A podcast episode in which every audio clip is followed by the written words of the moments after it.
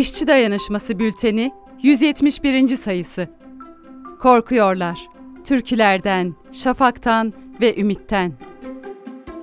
Şiirler ve ezgiler insanlığın sevinçlerini, acılarını, öfkelerini, isyanlarını ve yarına olan umutlarını perçinleyen işlev görmüştür.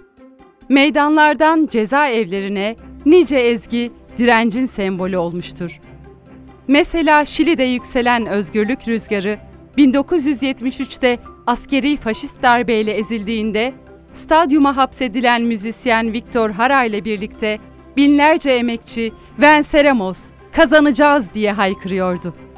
Hara'nın gitarıyla canlanan bu direnci ezmek için onu katlettiler.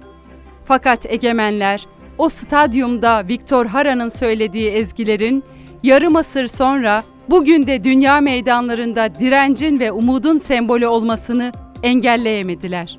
Sömürücü egemenler toplumsal hafızanın canlanmasından, emekçilere umut olup onları harekete geçirecek her şeyden korkarlar.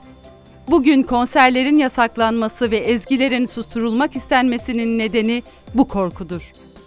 Nazım Hikmet, korku şiirinde sömürücü egemenlerin bu kadim korkusunu işler, türkülere, umuda ve insana neden düşman olduklarını anlatır. 1949 yılında ABD'li siyah müzisyen ve sosyalist Paul Robeson'un verdiği konserde Ku Klux Klan saldırısına uğramasının ardından yazar bu şiiri Nazım Usta. Korkuyorlar Robson der. Şafaktan korkuyorlar. Görmekten, duymaktan, dokunmaktan korkuyorlar. Güneş ışınlarının karanlığı yırtmaya başladığı andır şafak. Gökyüzü mavinin esintisi, turuncunun sıcak tonlarıyla bezenir. Yeni bir güne uyanan kuşların şafak korosunu dinler doğa. Şafak, değişim, umut ve mücadele sembolüdür Nazım'ın şiirinde.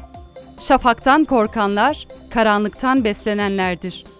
İnsanlığı mahkum ettikleri karanlığın üzerinde kendi cennetlerini yaşayan egemenlerdir. Onlar insanlığın özgür ve aydınlık günlere uyandığı yepyeni bir dünyayı yaratacak olan değişimden korkarlar. İşte bu yüzden en küçük bir ışık hüzmesi yani mücadele kıvılcımı gördükleri anda saldırırlar ışığın kaynağına. Nazım Usta, bizim Ferhat gibi sevmekten korkuyorlar der şiirinde. İnsan sevmekten korkar mı demeyin. Yoğun bir duygu olan sevgi, insan, vicdan ve toplum gibi kavramlarla bağlantılıdır. Nazım, karşılık ve çıkar beklemeden insanlar için bir şey yapmayı, vicdanlı olmayı, insanlık ve doğa için mücadele etmeyi anlatır Ferhat gibi sevmekle. Oysa egemenler yalnızca iktidarlarını düşünürler. Sermayenin vicdanı ve duygusu yoktur. İnsanlar bir taş parçasıdır onun için. Bu yüzden bir milyar insanın açlık çekmesi, savaşlarda ölmeleri, doğanın talan edilmesi umurlarında değildir. Ve Ferhat gibi sevenlerin döndürdükleri çarka çomak sokacağını bilirler. O yüzden korkarlar ve yok etmek isterler bu sevgiyi. Tohumdan ve topraktan korkuyorlar. Akan sudan ve hatırlamaktan korkuyorlar diyor usta. Akan suyun kuvvetini bilen, önünde dağ olsa duramayacağını da bilir. Tarih tanıktır. Ne firavunlar kaldı tahtlarında, ne padişahlar. Yıkılmaz sanılan imparatorluklar yıkıldı gitti. Devam eder dizeler. Ümitten korkuyorlar Robson, ümitten. Korkuyorlar kartal kanatlı kanaryam. Türkülerimizden korkuyorlar Robson. Toprak bir kere tohumu kucakladıysa, er ya da geç o tohum filizlenir. Çiçekleri ve meyvesiyle selamlar yeni günü. Toprağa atılan tohum ümit demektir. Ve onlar en çok ümitten korkarlar. Çünkü dizleri üzerine çökertilen insanlığın ayağa kalkmasını temsil eder ümit. Gelecek hayalini ve bu hayali gerçek kılmak için verilen mücadeleyi. Ümit ölürse yarınlar için kurulan hayaller de ölür. Ümit ölürse yeni bir dünya yaratma arzusuyla birleşen yürekler solar. Dostluklar, kardeşlikler, arkadaşlıklar yitip gider. İşçi sınıfının dayanışmasını ve mücadelesini güçlendiren bütün bağlar koparılır ümit ölürse.